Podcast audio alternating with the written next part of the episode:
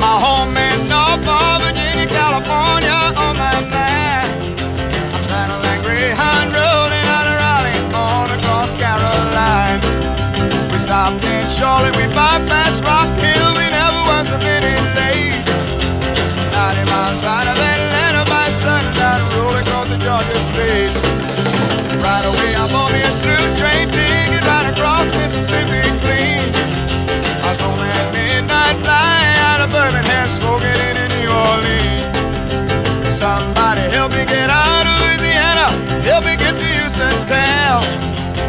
some folks who care little about me and they won't let the poor boy down.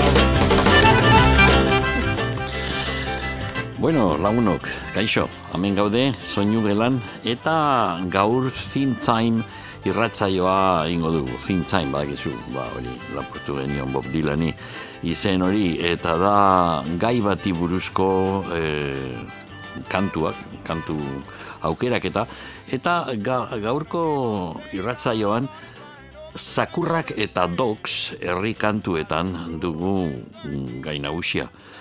E, bueno, ba, urtean pare bat aldiz edo hiru ikasturtean egiten dugu irratzaio estilonetakoa, ja, hasi, hasi ginen orain urte batzuk, eta beti da, oza, bitxia, e, topatzea kantuak. Gaurko gaia, sakurrak, e, imagina dezakezu, ba, dauz, ba, eundaka, milaka kantua, horretaz e, batxutan agertzen dire kantuaren izenean, edo kantu osoa da e, zakurrei buruz, edo e, edo, edo taldearen e, taldearen edo mm, kantariaren izenean agertzen da dog edo zakurre hitza. Eta bueno, ba holan e, dauz gauzak eta egin du aukeraketa bat ez dakit ia denbora daukagun hogeita lau kantu aukeratu ditut egin duen lehenengoko aukeraketa eta egun da berrogeita mar kantu ba mm, idatzi nituen zerrenda batean eta hortik e, egin dut aukeraketa hau.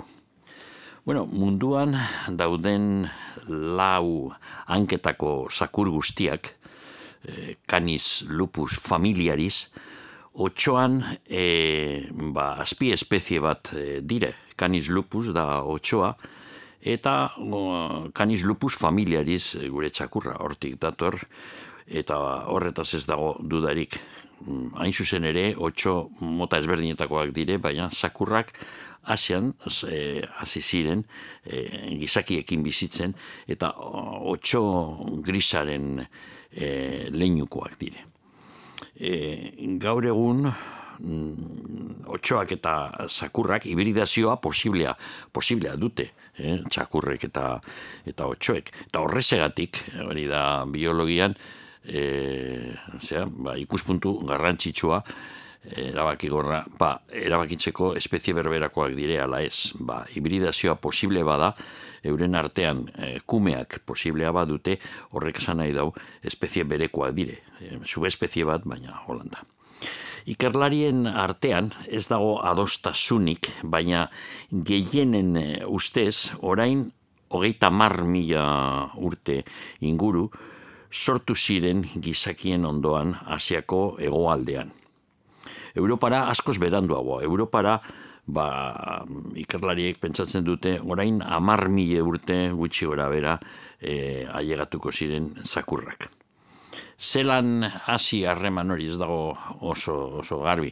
Baina, segurazko, guk espezie moduan, e, homo sapiens, ez dakit eh, beste hominidoek neardental moduko zituzten zakurrak ala ez, baina homo sapiensek daukagu ba, ezaugarri bat. Eta eta izan dugu betidanik eta gaur egun are gehiago. Eta da sabor pilo bat sortzen dugula ba, bakarrik begiratzeko gure mundu honetan ze arazoak dauzen.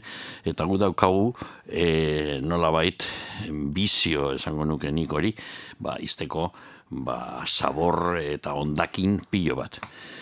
Eta aspaldio e, gara horretan be ba, gizakiek bazuten euren bizi ziren talde txikietan, baina ba, geratzen zan mm, ba, eisa egiten zuten edo ba, batu e, fruituak eta bar eta geratzen ziren ondakinak eta ba otxo batzuk ikusi ikusi zuten era erresa zain joatea euren e, euren gana eta hor jatea. Eta horren e, zera trukez gizakiek lortu zuten ba, animal bat gaba zibiliko zan hor gertu, eta zeo zer, e, bapateko zeo zer gertatu ezkero, hasiko zinela, hasi eran uluka imaginatzen dut, gero zaunka, ja hasi zirenean zaunka egiten, ze otxoik ez dute zaunkarik egiten, eta ziren oso erabilgarriak nolabait zaintzeko euren, euren bisilekua. Eta ziur, ziur ere holan hasi zan. Eta gero, ba, gizue, ba, txakurrak dire apurbet, eh, zelan esan, mantentzen dire beti zentsu batean kume moduko portaera. E, otxoek, e, daukate best, txikerrak direzenean, ez dakit, e, urte bete edo urte eta erdi edo, ba, badute hori, ba, edo zein espezietan gertatzen den moduan, txikerrak dabiz ondino ikasten eta dire apur bat, ba, e, oso mugitzen dire pilo bat, eta ez daukate ondino mm, heldutasuna nola bait. Eta txakurrek, zentsu batean, inoiz ez dute lortzen heldutasunik. Eurek e, aukeratu zuten aspaldian bizitzea gizakiekin, eta horren e, zera, ba, e, ordainketa, Eh, orain eh, horren ordainketa izan zen eurek mantentzea apur bat e, e, gabe espezie moduan. esaten dute ba, otxo bat eta txakur bat, bueno, hibridazioa posiblea da, e, ze aurra, arra eta emeak ba, elkartzen badire. Baina, e, bestela, el, e, naturan agertzen bada txakur bat, edo txakur batzuk eta otxoak agertzen badire, otxoek, antza, etologoek e, pentsatzen dute, euren buruan, hauek zer dire, hauek dire, gu, oza, gure espezikoa gutxi gora bera, dire gure, gurekoak, baina hauek ez dire normalak. Eta, eta egiten dutena normalean da joatea, ez diete egiten erasorik, ze pentsatzen dute direla apur bat, e, ba, erotuta dausen e, animal batzuk. Bueno, hori dana, goratzen naiz, orain denboraren bat irakurri nuen paia bertsolariaren artikulo batean gara, oso artikulo polita. Egon naiz bilatzen baina dut topatu. Eta berak azaltzen zuen e, txakurrei buruzain beste kontu.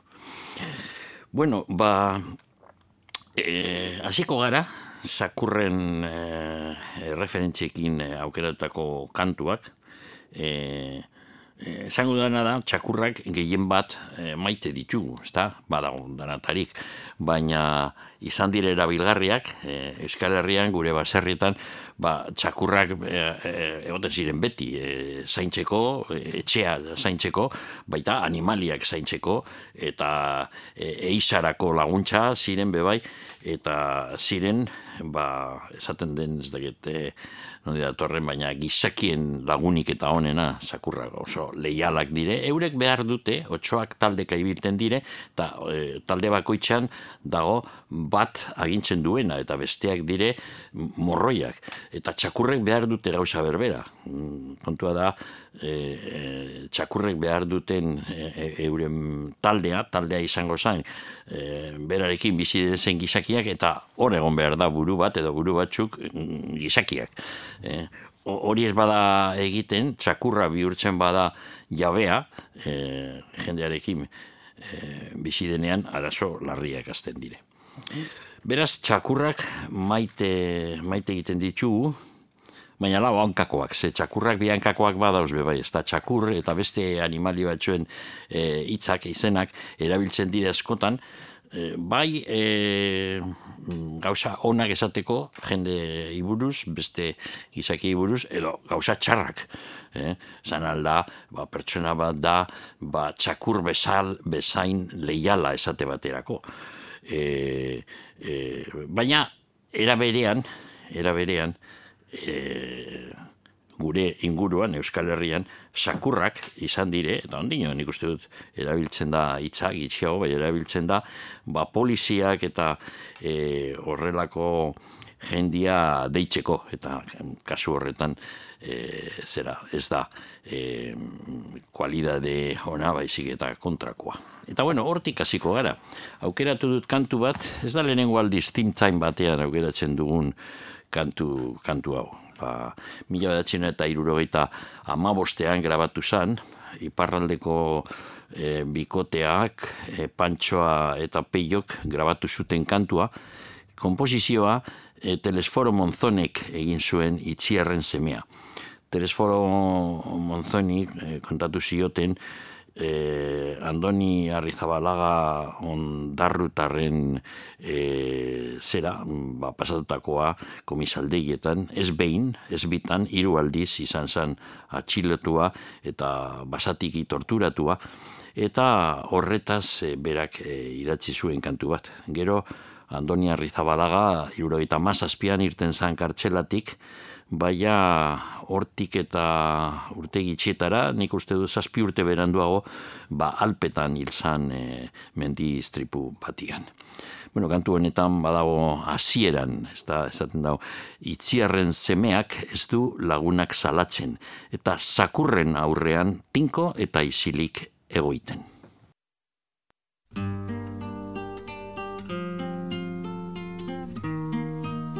Itziarren semeak ez du laguna salatzen eta zakurren aurrean tinko eta isilik egoiten.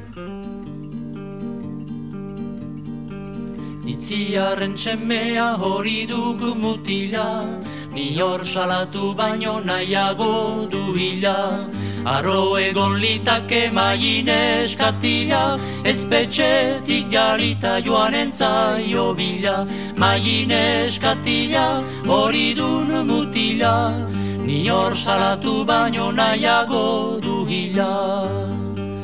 Aurra zer egin naute holana gertzeko, Ama jo egin naute mintzaharazteko Izenik eman alduk esantzak egia.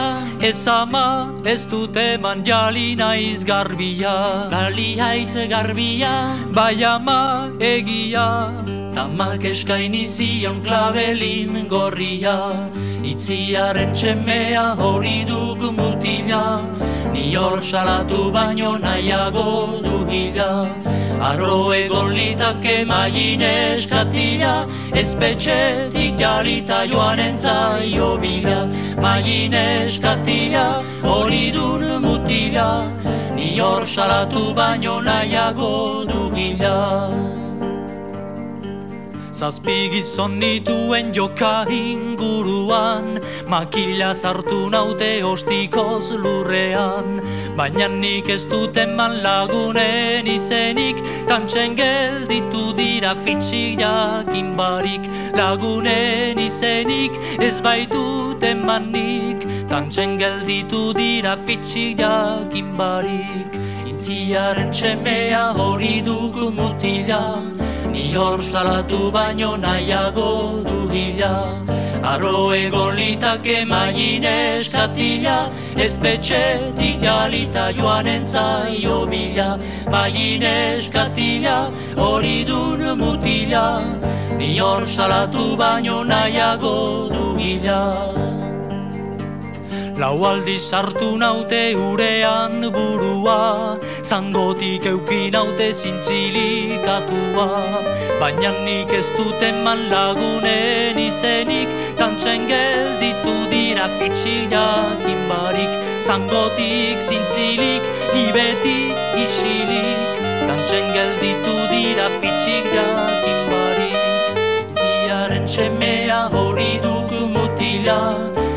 Salatu baino nahiago du gila.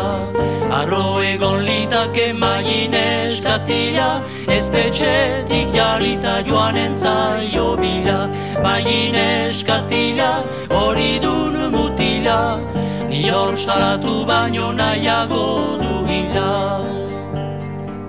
Itzerdia ta odola burutik behera Espainak urratuta zazkala gatera Baina nik ez dut eman lagunen izenik. Tantzen gelditu dira fitxik jakin barik Odolez beterik, ni beti isilik. Tantzen gelditu dira fitxik jakin barik Itziaren txemea hori dugu mutila. Ni hor salatu baino nahiago dugila Aro egon litake maien eskatila Ezpetxetik jarita joan entzaio bila. Maien eskatila hori dun mutila Ni hor salatu baino nahiago dugila Itziarren semeak ez du laguna salatzen Eta zakurren aurrean tinko eta isilik egoiten espetxerat igorri dute, amak ez du ezagutu. Tamaiik, puliki, puliki, eman diozka bi musu. Ederto, bueno, ba, hemen Iban Burgoa du teknikaria, ba, irratzaia honetan eta beste askotan ere.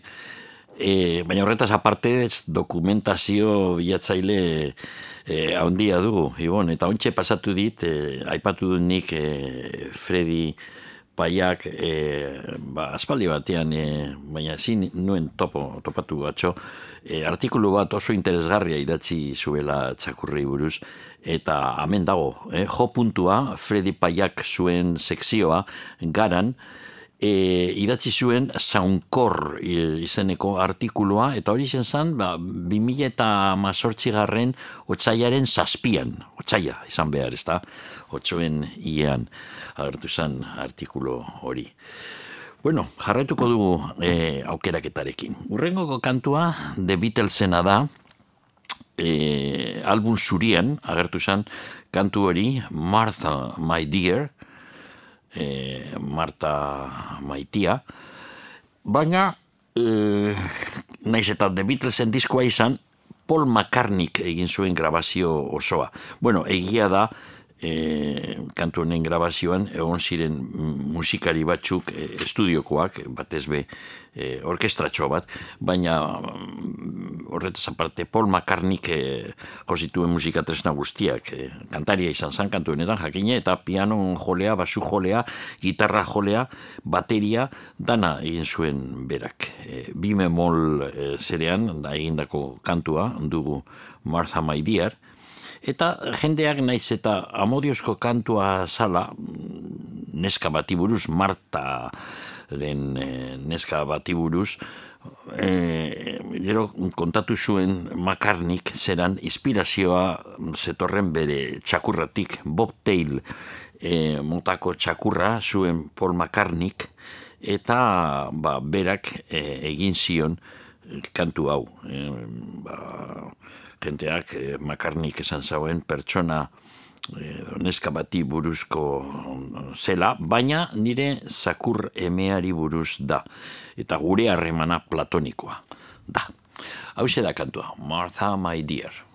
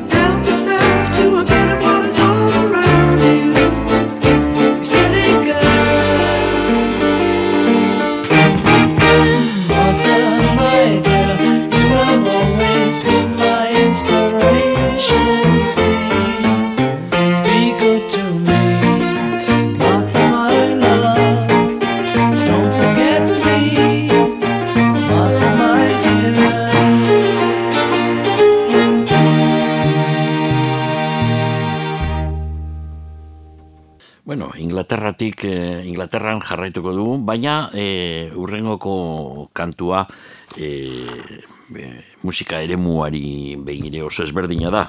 Led Zeppelin eh, taldeak, mila, ah, ez dugu esan, baina aurreko kantua eh, Paul McCartneyrena mila bedatzen eta iruro eta sortxikoa zen. Led Zeppelinek, mm, ba, iru urte beranduago, mila bedatzen eta irurogeita maikan, grabatu zuten euren laugarren grabazioa e, orokorrean nik uste dut e, eta denboraren poderio zargi geratu da e, grabazio hori laugarrena izen bakoa da esaten zuten garai hartan e, e, zanagartzen diskoaren izenik e, onena izan zan taldearen mm, diskorik eta borobilena eta bueno ba kantu hau Black Dog deitzen da txakur baltza eta da diskoaren hasieran dago oso hasiera indartsue. E, dago oinarrituta riff batian, baina riff e, horrek John Paul Jones e, basu joleak e, egindakoa dugu. Bueno, ba, gero, zergaitik izena, kantua ez doa txakur bati, baina Black Dog deitzen da, eta gero, eure kontatu zuten zera, grabatu zutenean, e, Londreseko estudio batean, e, kanpotik, estudioaren kanpotik ibiltzen zan txakur beltz handi bat eta horresegatik erabaki zuten Black Dog ipintzea izena kantu honi. Ederto.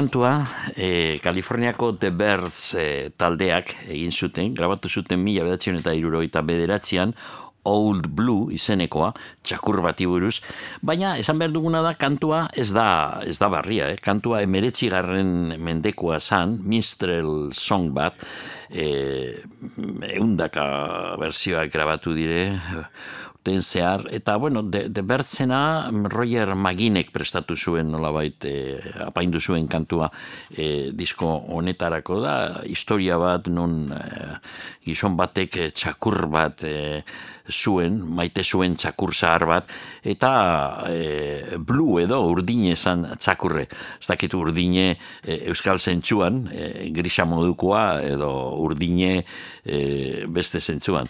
Bueno, ba, berak e, esaten zuen, txakurrari, txakurra hil zan, eta esaten zauen, ba, zerura joango zenian, berak e, hartuko zuela adar bat deitzeko txakurrari, eta ba, maite zuen pilo bat txakur hori onlu izenekoa. Bueno, entzungo dugu kantu hau, eta gero kantu honen berzio asko zaharragoa ere entzungo dugu. Hau da, Old Blue.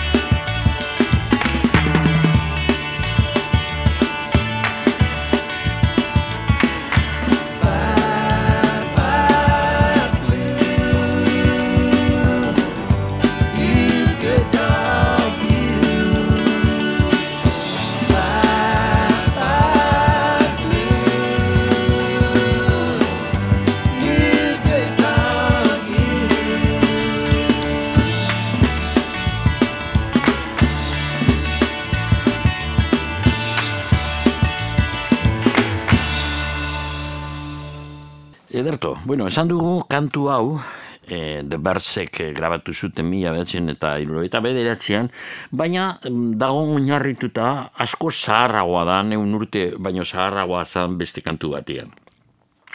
Eta orain entzungo dugu mm, berzio bat, mila bedeatxuen eta hogeita sortxian grabatua estatu batuetan. Old Dog Blue e, izenpian. Bueno, ba, kantu berbera da, e, aldatzen dire, pitxin bat, baina historia berbera da. Eta Jim Jacksonek grabatu zuen urte horretan mila bedatzen eta hogeita sortxian e, gizon hau, e, Jim Jackson, jaio zan Mississippi inguruan, Mississippi estatuan, mila sortxireun eta irurogeita amaseian, eta mila bederatzen eta hogeita amairuan hil zan. Beraz, hil baino mm, bost urte harinago, Memphisen bizi zan, Memphisen grabatzen zuen, eta egin zuen berzio hau.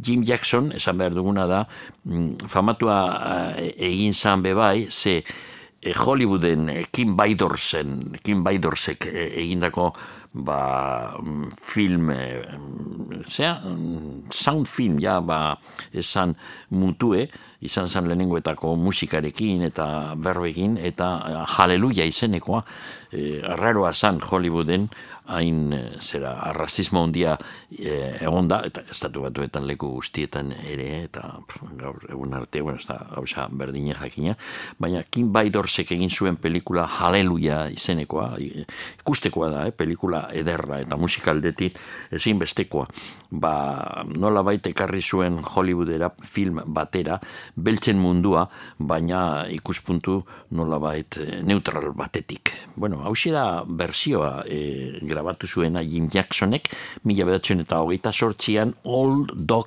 Blue izenpean. I'm going back where I come.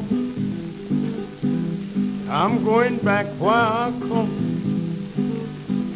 I'm going back to Giles County.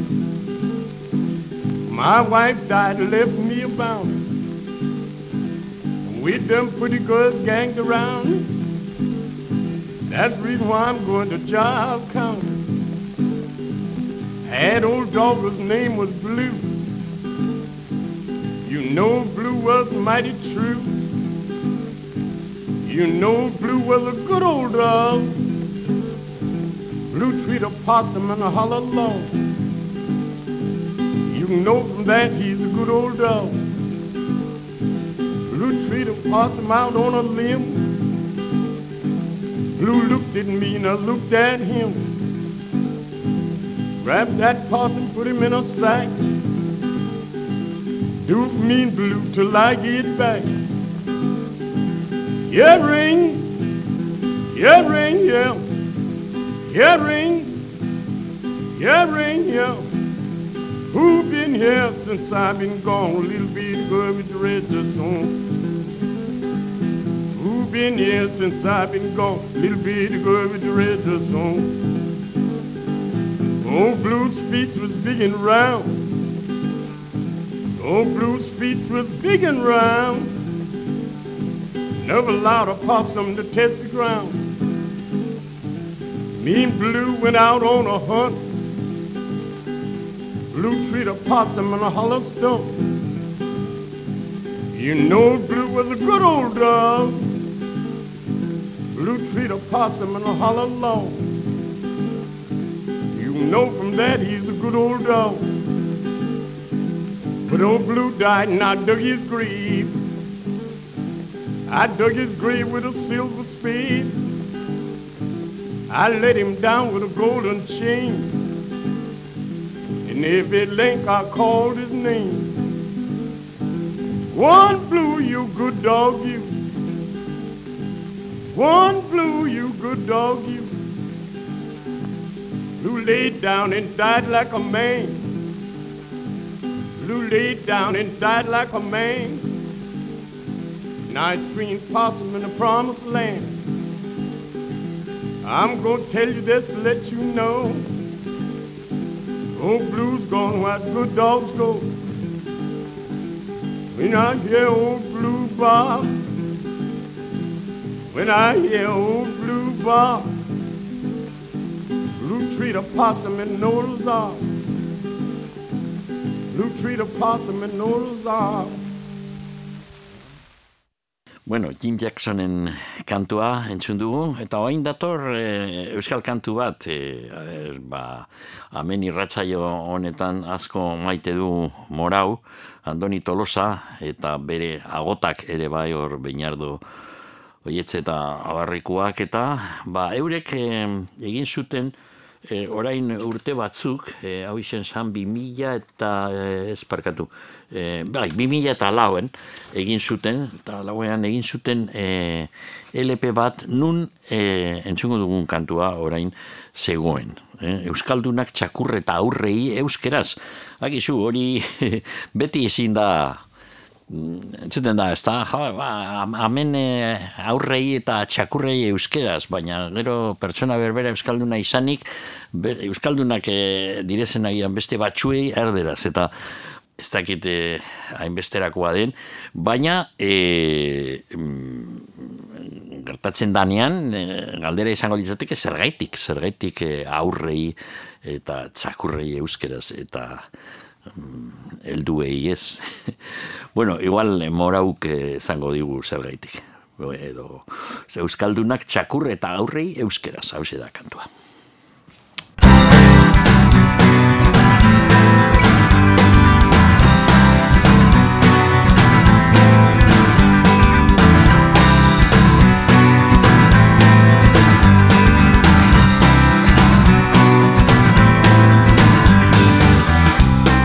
Kaixo agur.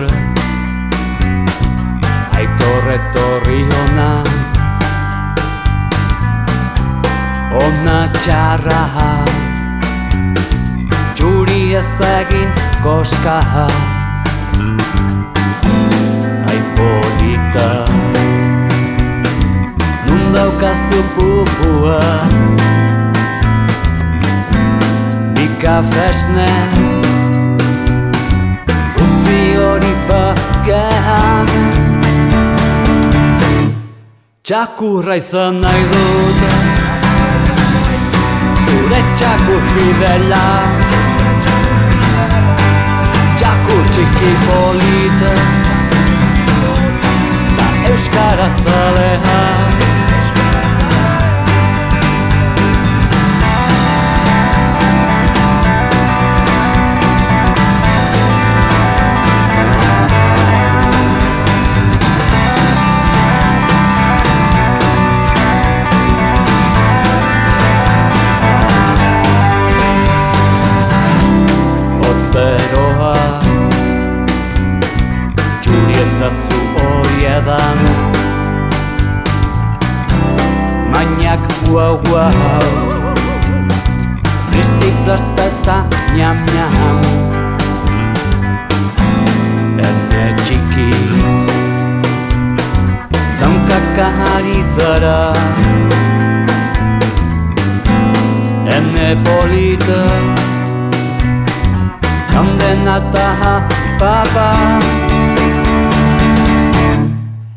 Txakurra izan nahi dute Zure txakur fidela Txakur txiki polite Da euskara zalea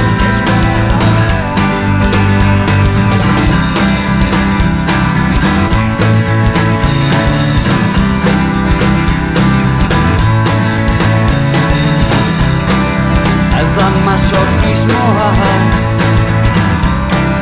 Ez da horrelakorik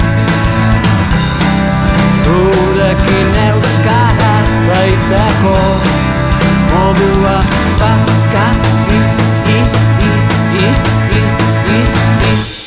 Txakurra izan nahi dut. Zure txakur fidela txiki polita Da euskara zalea. Txakurra izan nahi dut Zure txakur fidela. Txakur txiki polita Da euskara zalea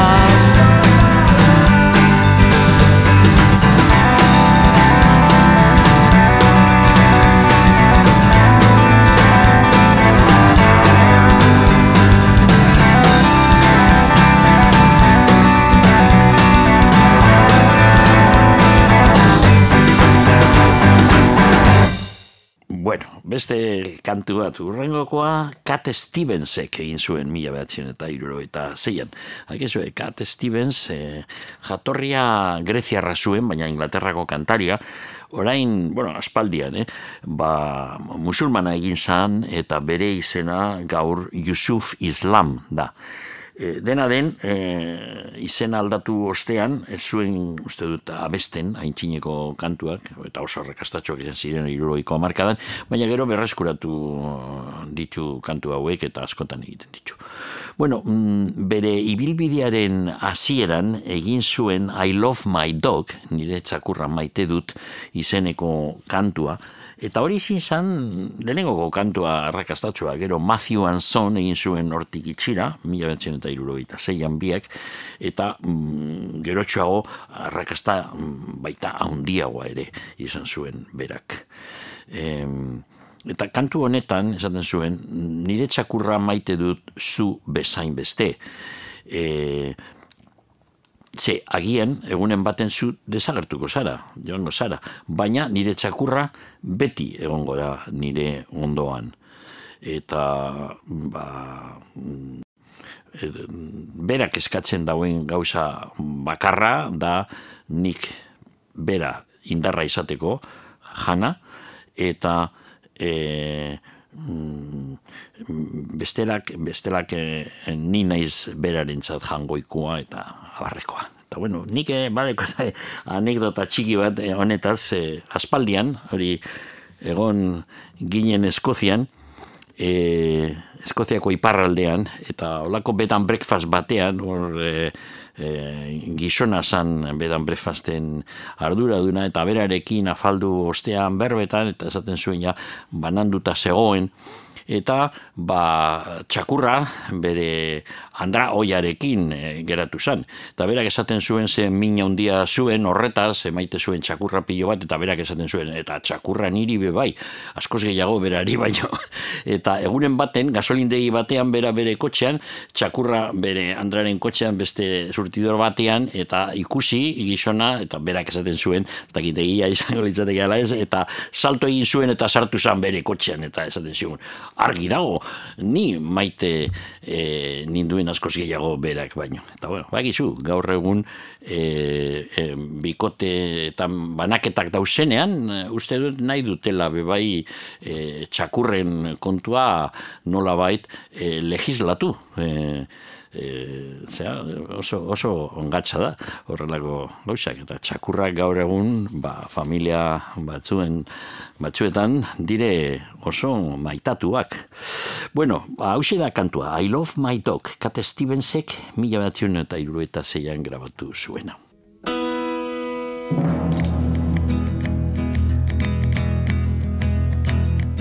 I love my dog as much as I love you.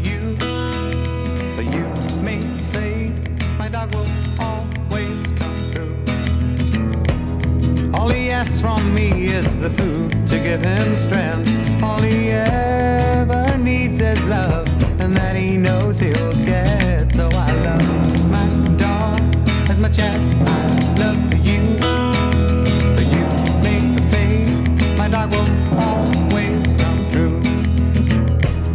All the pay I need comes a shining through his eyes. I don't need no cold water to make me realize much as I love you.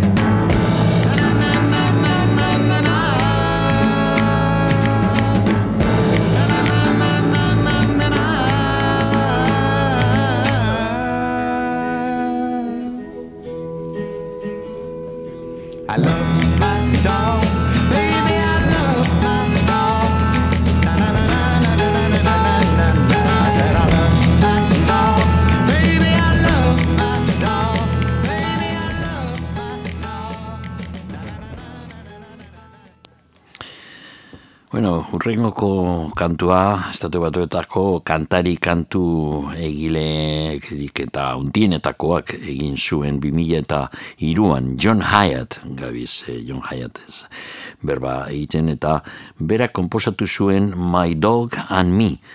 Eta, bueno, ba, mm, zera, ba, berak eh, txakurra, mm, txakurrak maite, kantu hau txakurrak maite dituen kantari batek eh, egindakoa argi, argi dala. Eh? E, txakur bat maite behar duzu kantu hau ongi ulertzeko. Ba, nik esango nuke txakurrei buruz da kanturik entzun dituen, dituen artian eta honenetakoa. Baina agian mendian bizi behar hemen dauden sentimentuak ondo ulertzeko hirietan ez dut uste daudenik horrelakorik. Hau da kantua. My dog and me, nire txakurra eta nine.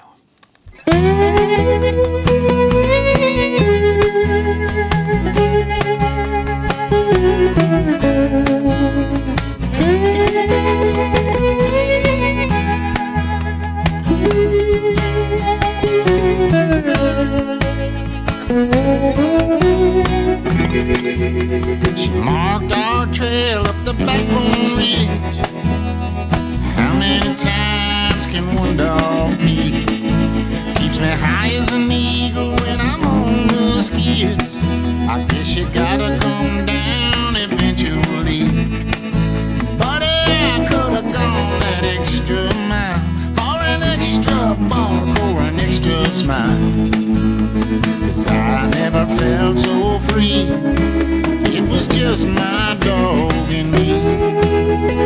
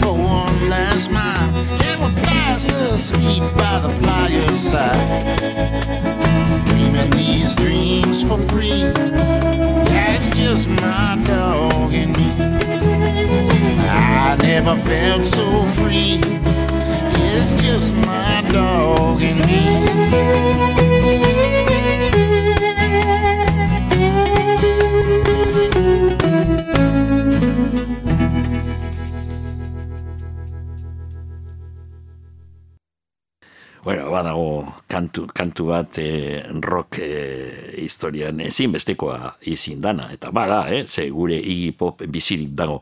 Iggy Pop Detroitko kantariak izan zuen eh, asiston anaiekin talde bat e, de Stutches izenekua. Eta mm, euren lehenengoko grabazioa, egin zutena mila behatzen eta irurogeita bederatzean, egin zuten kantu bat, oso kantu simplea da, eh? E, akordeekin, gitarra jotzen baduzu, ikasi alda amar minututan. Sol, fa sostenido eta mi, ez dago gehiagorik. Gero momenturen baten beste bi akorde sostenido, baina hori ez bada egiten be, kantua gutxi bera bera egin alda osoa, hiru akordekin. E, bueno, produzioa, kantuaren produzioa John Caleek egin zuen. John Cale, Velvet Undergrounden musikaria, e, Zimru, Galeska, Galeseko e, musikaria handia, New Yorken bizi eta Hit Factoryn e, zera, e, estudioetan grabatu zuen igi eta destutxesekin e, kantu hau. Kantua jakina I wanna be your dog, zure txakurra izan nahi dut.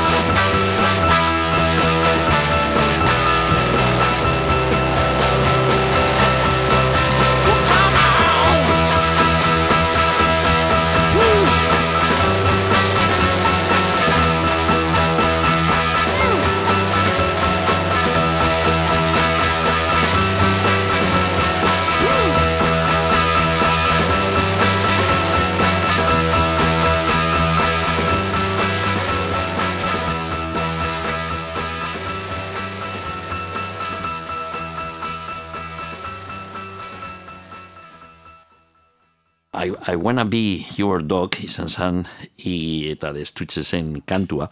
Eta, bueno, beranduago, mila behatzen eta larogeta iruan, Bilbon sortu zen talde historiko bat, bulpez e, izenekoa, egin zuten ba, doinu berberarekin berzio bat, e, hitzak ezberdinak ziren, bulpez, bakizue, e, eurek dire azeriak, e, eta azeriak ez dire kanidorik, baina eurek, e, bakizue, lehen esan dugu moduan, e, animalien izenak e, erabiltzen ditu gizakiok, ba, beste gizakei buruz berba egiteko.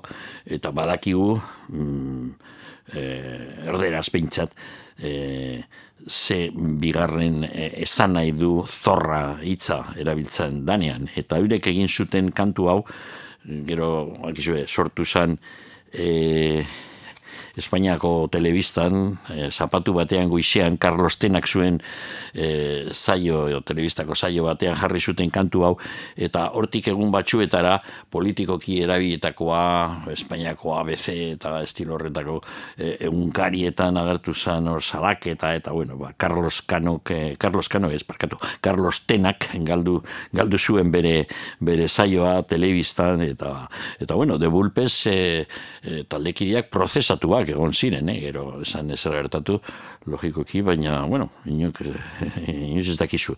E, hau da kantua, me gusta ser una zorra, bi aldiz grabatu zan, eh? gero mm, e, Lupe Vázquez bateria jolea izenean grabatu zuten e, Bego Loles eta Mamenek grabatu zuten CD bat, agertu zana oiukan, baina hause jatorrizkoa da, dos rombos e, uste dut horronboz eh, diskoetxean, Madrigo diskoetxean agertu zen single batean, Inquisizion, B aldean, eta me gusta ser una zorra, entzungo dugun kantua A aldean. Hau jatorriz, esan dugun moduan, Iggy Popen, I wanna be your dog kantuaren berzioa da.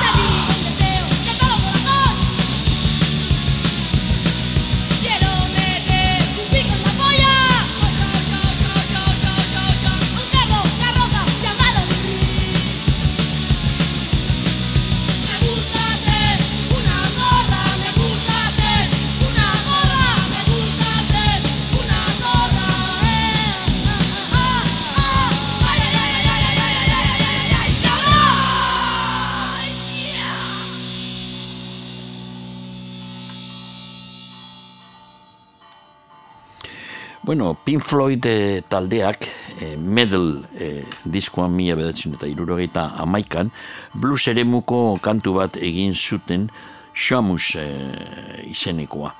E, eta txakur bat iburuz e, kantua da e, David e, Gilmorrek abesten dau kantua.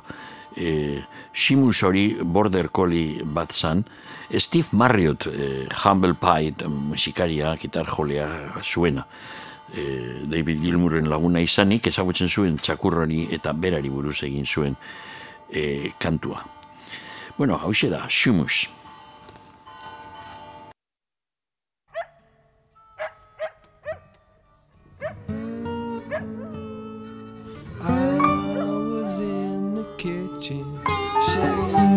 That's the dog outside. Was my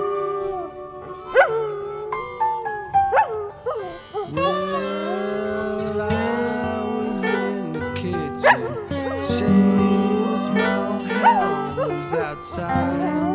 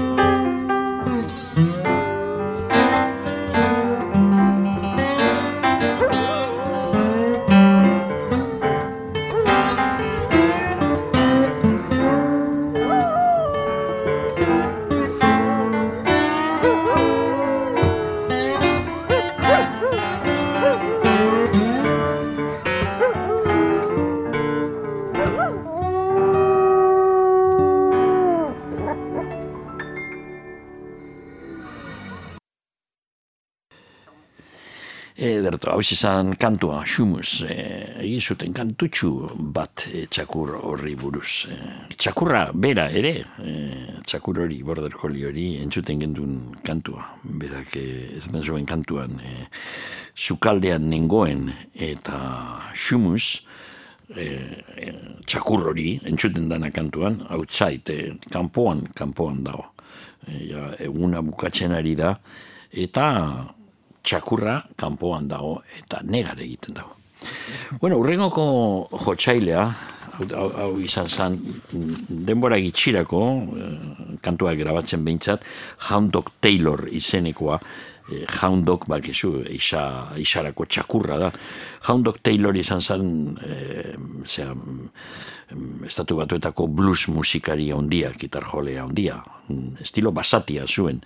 Mila bedatzen eta iruro eta maikan grabatu zuen lehen bizikoz, eh, Bruce Iglauer, e, zuen apurt bat e, Chicagon, dirutsu bat e, herentzia batetik eta erabaki zuen ikustean Hound Dog Taylor zuzenean, berak e, ez zuen diskorik, baina mm, jotzen zuen asko aretoetan hor Chicago inguruan, eta erabaki zuen e, Iglauerrek sortzea disko etxe bat e, Hound Dog Taylorren diskoak kaleratzeko. Eta bueno, gero ibilbide luzea, ondino Alligator disko etxea badago, blues munduan on, onenetakoak e, dauzenen artean e, eundaka grabazioak kaleratu dire. Baina lehenengokoa izan zen, mila batzen eta eta maikan Hound Dog Taylor lehenengoko e, grabazioa.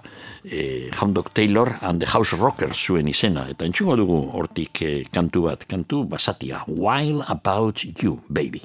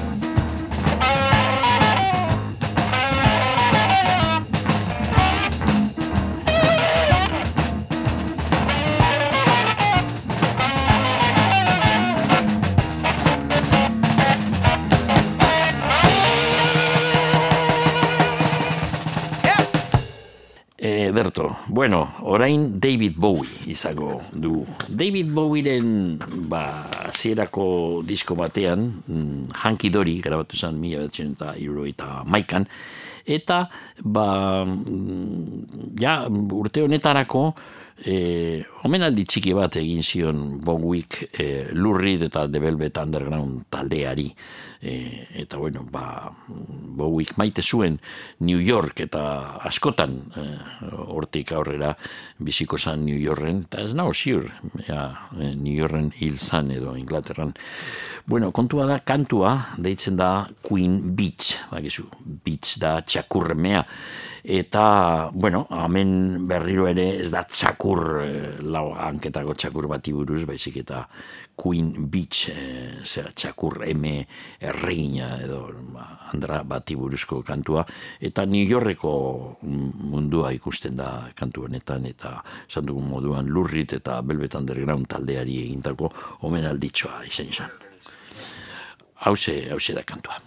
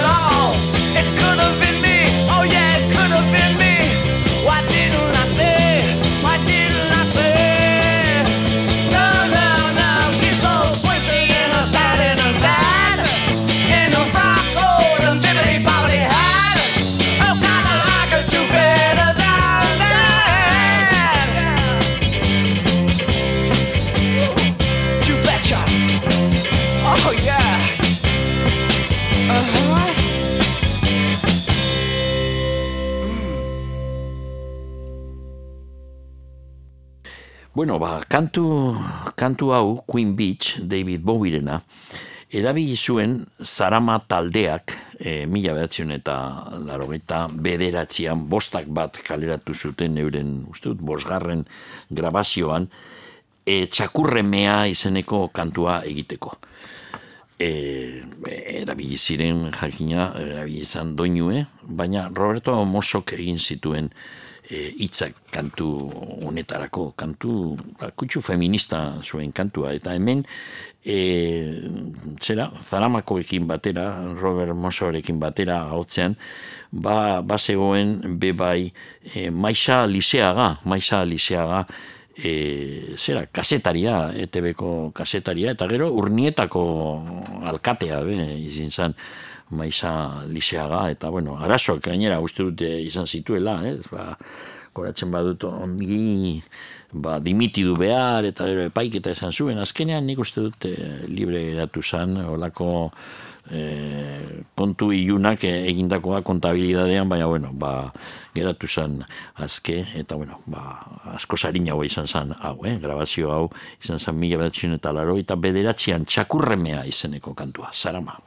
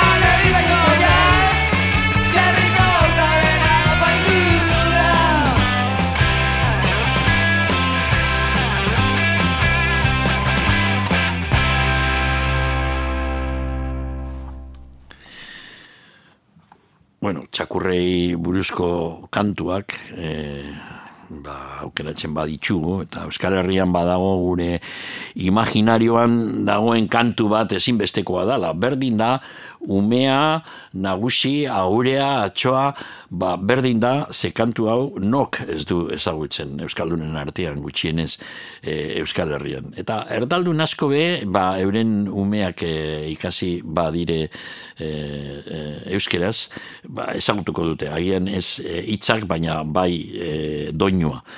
Eta kantua zin izango da, ba, txakur bati buruz, ba, pintxo, pintxo, txakurrik eta famatuena Euskal Herrian, diferentziaz.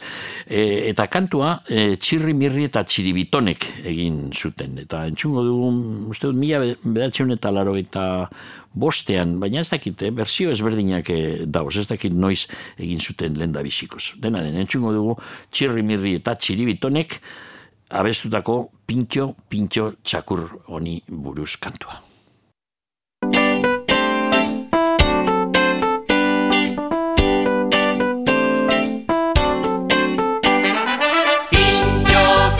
yo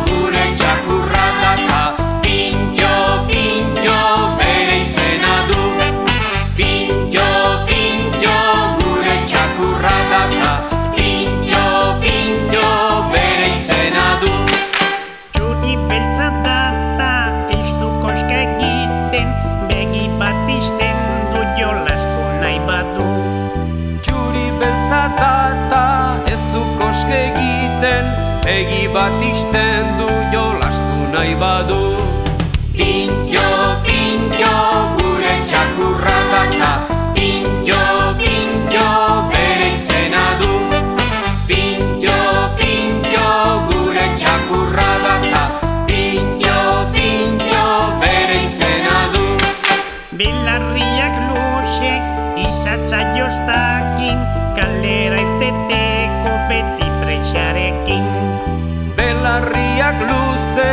ausatxa jostakin, kalera irteteko beti presarekin.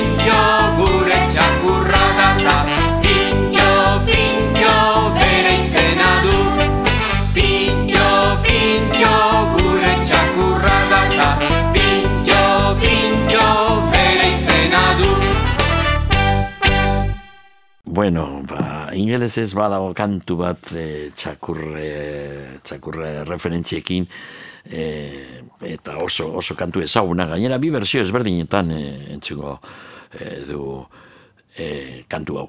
Big Mama Thornton blues eta Rhythm blues kantari handia berak grabatu zuen mila bedatzen eta berroita amairuan kantua e, Leiber eta Stollerrek e, New Yorkeko mm, kantu egileek egin zuten. Hound Dog txakur eiztaria edo. Hau da kantua, kantu gordina. Batez ere e, Big Mama Thorntonen berzioan. You ain't nothing but a hound dog.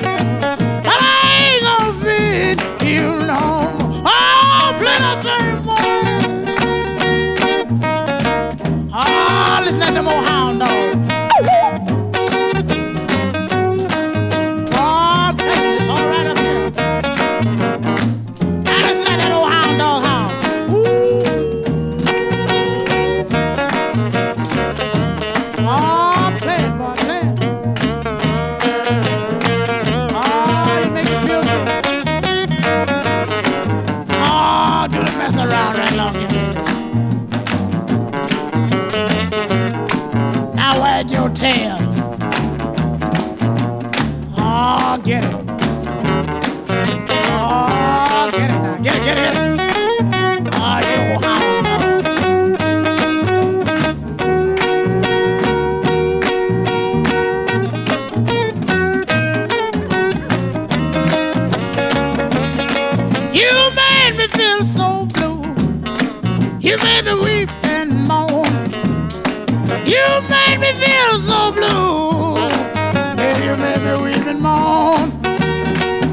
Cause you ain't looking for a woman.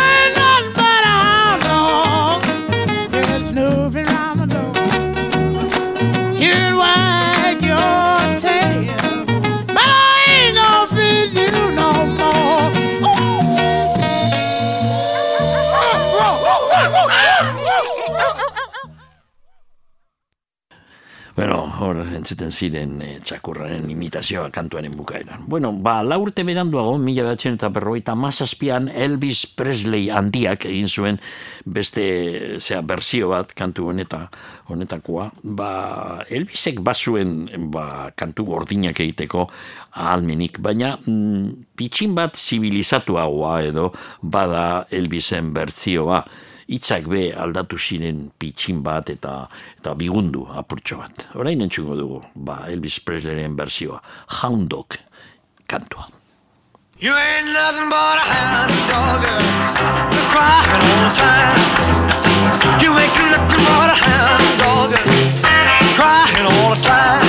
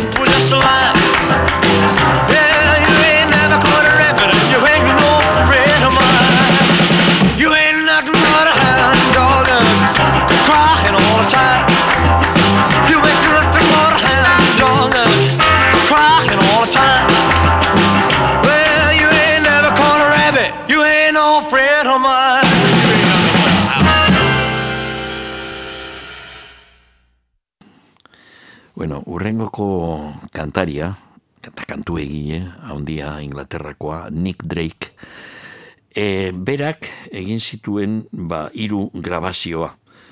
Azkenengoa Pink Moon izenekoa izin izan. E, Nick Drake handia bezain batxutan e, zera, gaixoa eta e, gaixotasuna zuen bipolaritatea edo eta egia esan bere buruan beste egin zuen Nick Drake e, irugarren diskori grabatu eta apurtxo bat beranduago.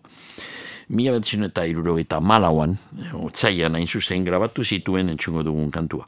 Lau kantu itxi zituen ja bukatuak, laugarren diskoa izango, izango zan, zera, produziorako, baina esan dugun moduan aurretik e, hil zan.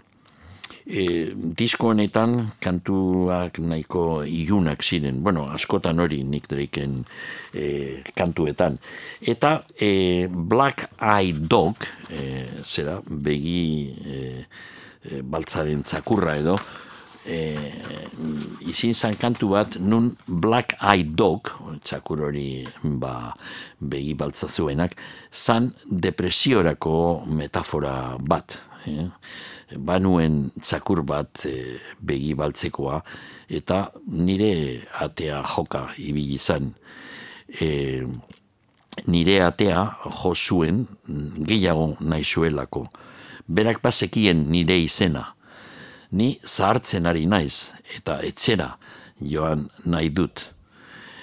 Ni e, zahartzen ari naiz eta ez dut jakin gure. Esan dugun moduan hemen txakur e, e, honek egiten dauen papera kantuan da metafora moduan depresioaren papera. Hau da kantua.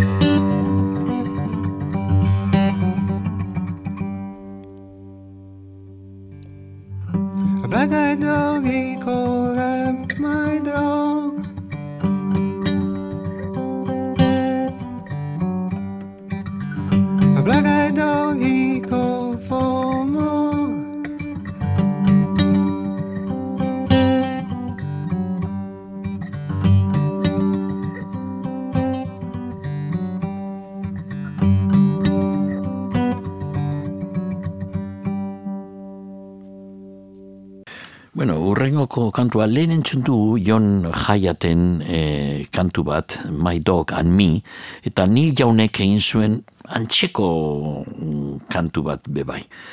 Old King du izena kantu hau, mila bederatzen eta laro eta mabian egin zuen Harvest Moon izeneko eh, grabazioan. Musikari handiekin ibili izan eh, The Straight Gators, Kenny Battery, Tim Drummond, Ben, eh, ben Keith, eta Spooner Olhan, eta bueno, Nicolette Larson hotxarekin laguntzen dio kantu honetan. Bueno, ba, berak e, benetan izan zuen e, txakur bati buruz e, King izenekoa, Old King izenekoa, egin zuen kantu hau, berak esaten zauen, e, izin zan, e, inoiz ezagutu zuen eta txakurrik e, onena, e, txakur e, istaria, e, e, eta egunen baten ba, hil zan.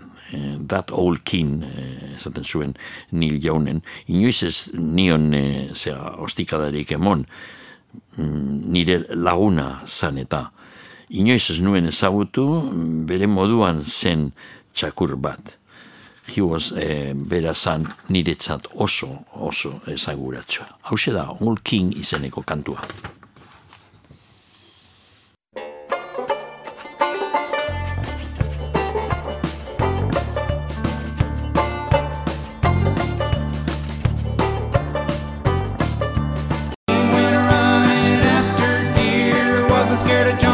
went running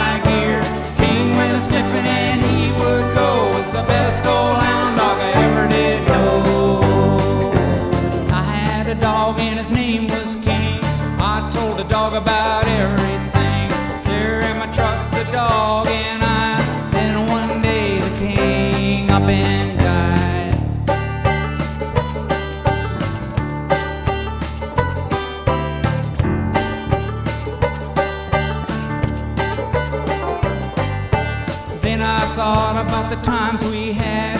Once when I kicked him when he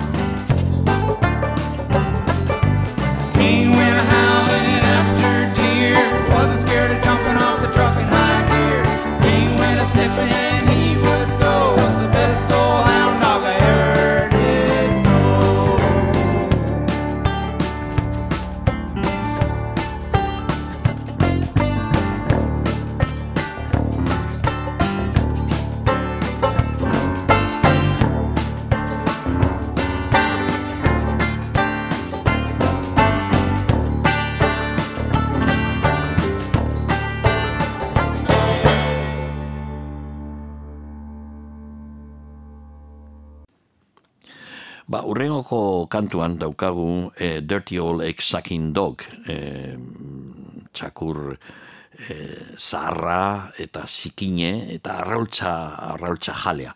Jak Clementek eh, egin zuen mila batzen eta iru eta zeian eta bi urte beranduango eh, Johnny Kasek zuzenean grabatu zuen Folsom Prison disko famatuan, Kaliforniako presondegi batean grabatu zuen. Kontatzen dau, historia zelan baserri batean Jack Clementek eh, bazuen txakur bet, txakur zahar bet, zahar eta zikine, baina maite zuen txakur hori, eta berak oiotegia zuen, eta zer egiten zuen txakur horrek, bueno, ba, arraultzak lapurtu, eta oioak eh, hil batxutan, eta beti esaten zauen, ba, txakur eh, hau hilko dut egunen baten, baina azkenean inoiz zuen egiten zen naiz eta mm, zera arraultz eh, lapurre eta oio itzailea izan maite zuen txakurra lar. Hau da eh, kantua Dirty Old Sucking Dog. Well, we would like to I'd like to do a couple of, of love songs here for you now. One, you know, the man's best friend is his dog, if he's got nothing else. And uh, this song is about a dog. Well, he's not very handsome to look at. Oh, he's shaggy and he eats like a hog. And he's always killing my chickens. That dirty old egg sucking dog. Egg sucking dog. I'm gonna stomp your head in the ground if you don't stay out of my hen house. You dirty old egg sucking hound. Now, if he don't stop eating my eggs up, though I'm not a real bad guy, I'm going to get my rifle and send him to that great chicken house in the sky.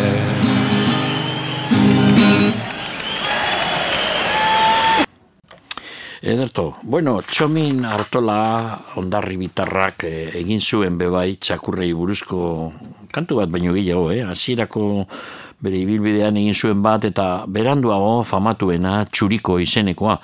Hagizue, batxutan, e, zera, arrantxarako e, ontxian, ontxietan, ontxi txikietan, e, txakurra ere badago, txakurrak ero baten dute, ba, ez dakit laguntxeko edo, bueno, ba, ibonek esan dezagun moduan, ez zuten nun laga txakurre eta ero baten zuten e, itxasora.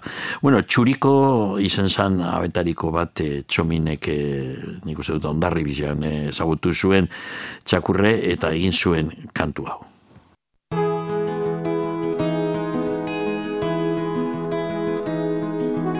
Gugazte gina dela txalupa guziak. Zakurtxo bat zuten ontzi barrenian Begi ernea bila, etzan zaunkaria. Igezi joan arraia, arrapatzailea Seme esango dizut nola gertatzen zan Puñitutako arraia suelto batzuetan. Legatzako spaigez txakurra jausten zan. Ta bebetan arraia hartzen zun hortzetan Lana horren saria txakurren partia. Deitzen genion guziok ongi merezia Maitea maitea zan txakurre iztaria Txalupa betetzen zun anima gabia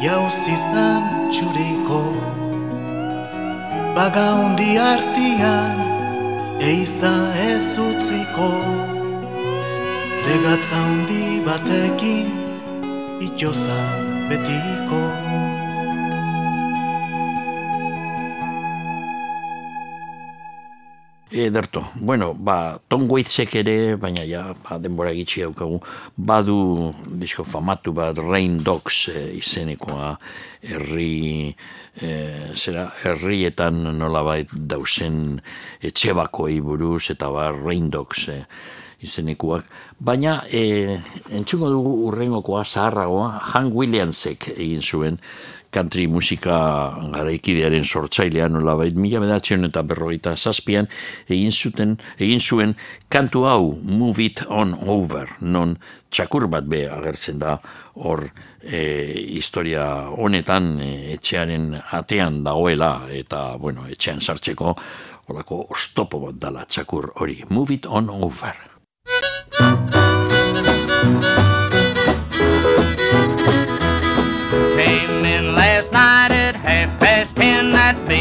mine wouldn't let me in, so move it on over. Move it on over. Move it on over. Move it on over. Move over, little dog, cause the big dog's moving in. She's changed the lock on our front door. and My door key don't fit no more, so get it on over. Move it on over. Scoot it on over. Move it on over. Move over, skinny dog, cause the fat dog's moving in. Dog house here is mighty small, but it's better than no house at all, so ease it on over. Move it on over. Drag it on over. Move it on over. Move over, old dog, cause a new dog's moving in.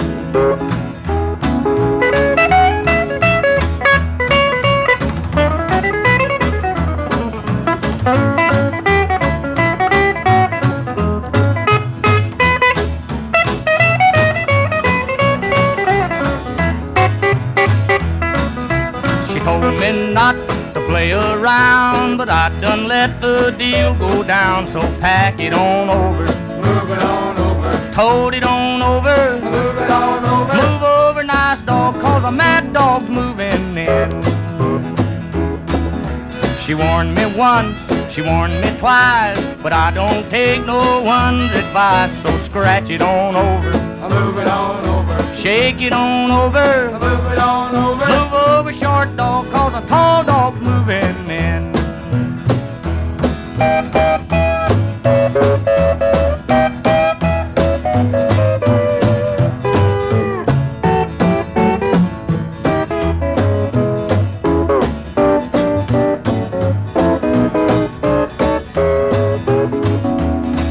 She'll crawl back to me on her knees. I'll be busy scratching, please. It on over. Move it on over. Move over, good dog, cause a mad dog's moving in. Remember, pup, before you whine, that side yours and this side mine. So shove it on over. Move it on over. Sweep it on over. Move it on over. Move over, cold dog, cause a hot dog's moving in. Bueno, ba, ia bi ordu dauzkagu eginda, eta azkenengo kantua entzungo dugu. Hauxe, mila bederatxun eta iruro eta maikan, mm, aspaldian, berez, e, izan zen kantu oso arrakastatxua, e, pop rock eh, munduan. E, Lobo izeneko estatu batuetako taldeak e, egin zuen, nik uste dut e, kantu arrakastatxu bakarreko mm, taiko bak izan zen talde hau. Eta kantu hau asko entzu zen urte hartan. Me and you and a dog named Boo. Ni eta zu eta Bu izeneko txakurra. Hau da kantua.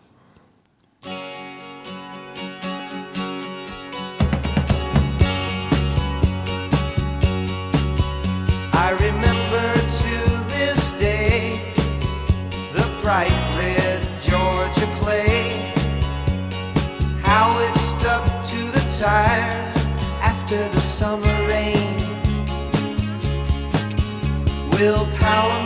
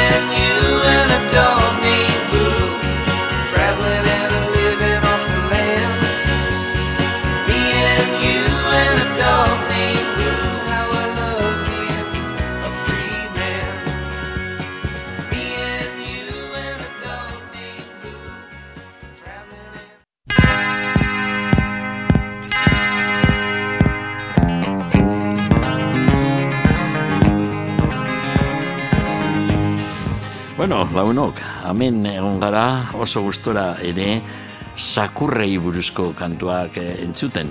Theme Time saio bat egin dugu gaur eta gaia txakurra eh, okeratu dugu. Ba, ezin dugu aipatu kantu guztien izenak, baina ba, jotxaileak behintzat bai eta gaur izan ditunak e, gure soinugelan Pantsoa eta Peio, The Beatles, Led Zeppelin, The Birds, Jim Jackson, e, Morau eta Agotak, Cat Stevens, John Hyatt, The Stooges, Bulpes, Pink Floyd, Hound Dog Taylor, David Bowie, Sarama, Chirri Mirri eta Chiribiton, Big Mama Thornton, Elvis Presley, Nick Drake, Neil Young, Johnny Cash, Chomin Artola, Ham Williams eta bukatzeko Lobo taldearen Me and You and a Dog Boo. Hau da dana, datorren astean gehiago izango dugu, soinu gela honetan, agur.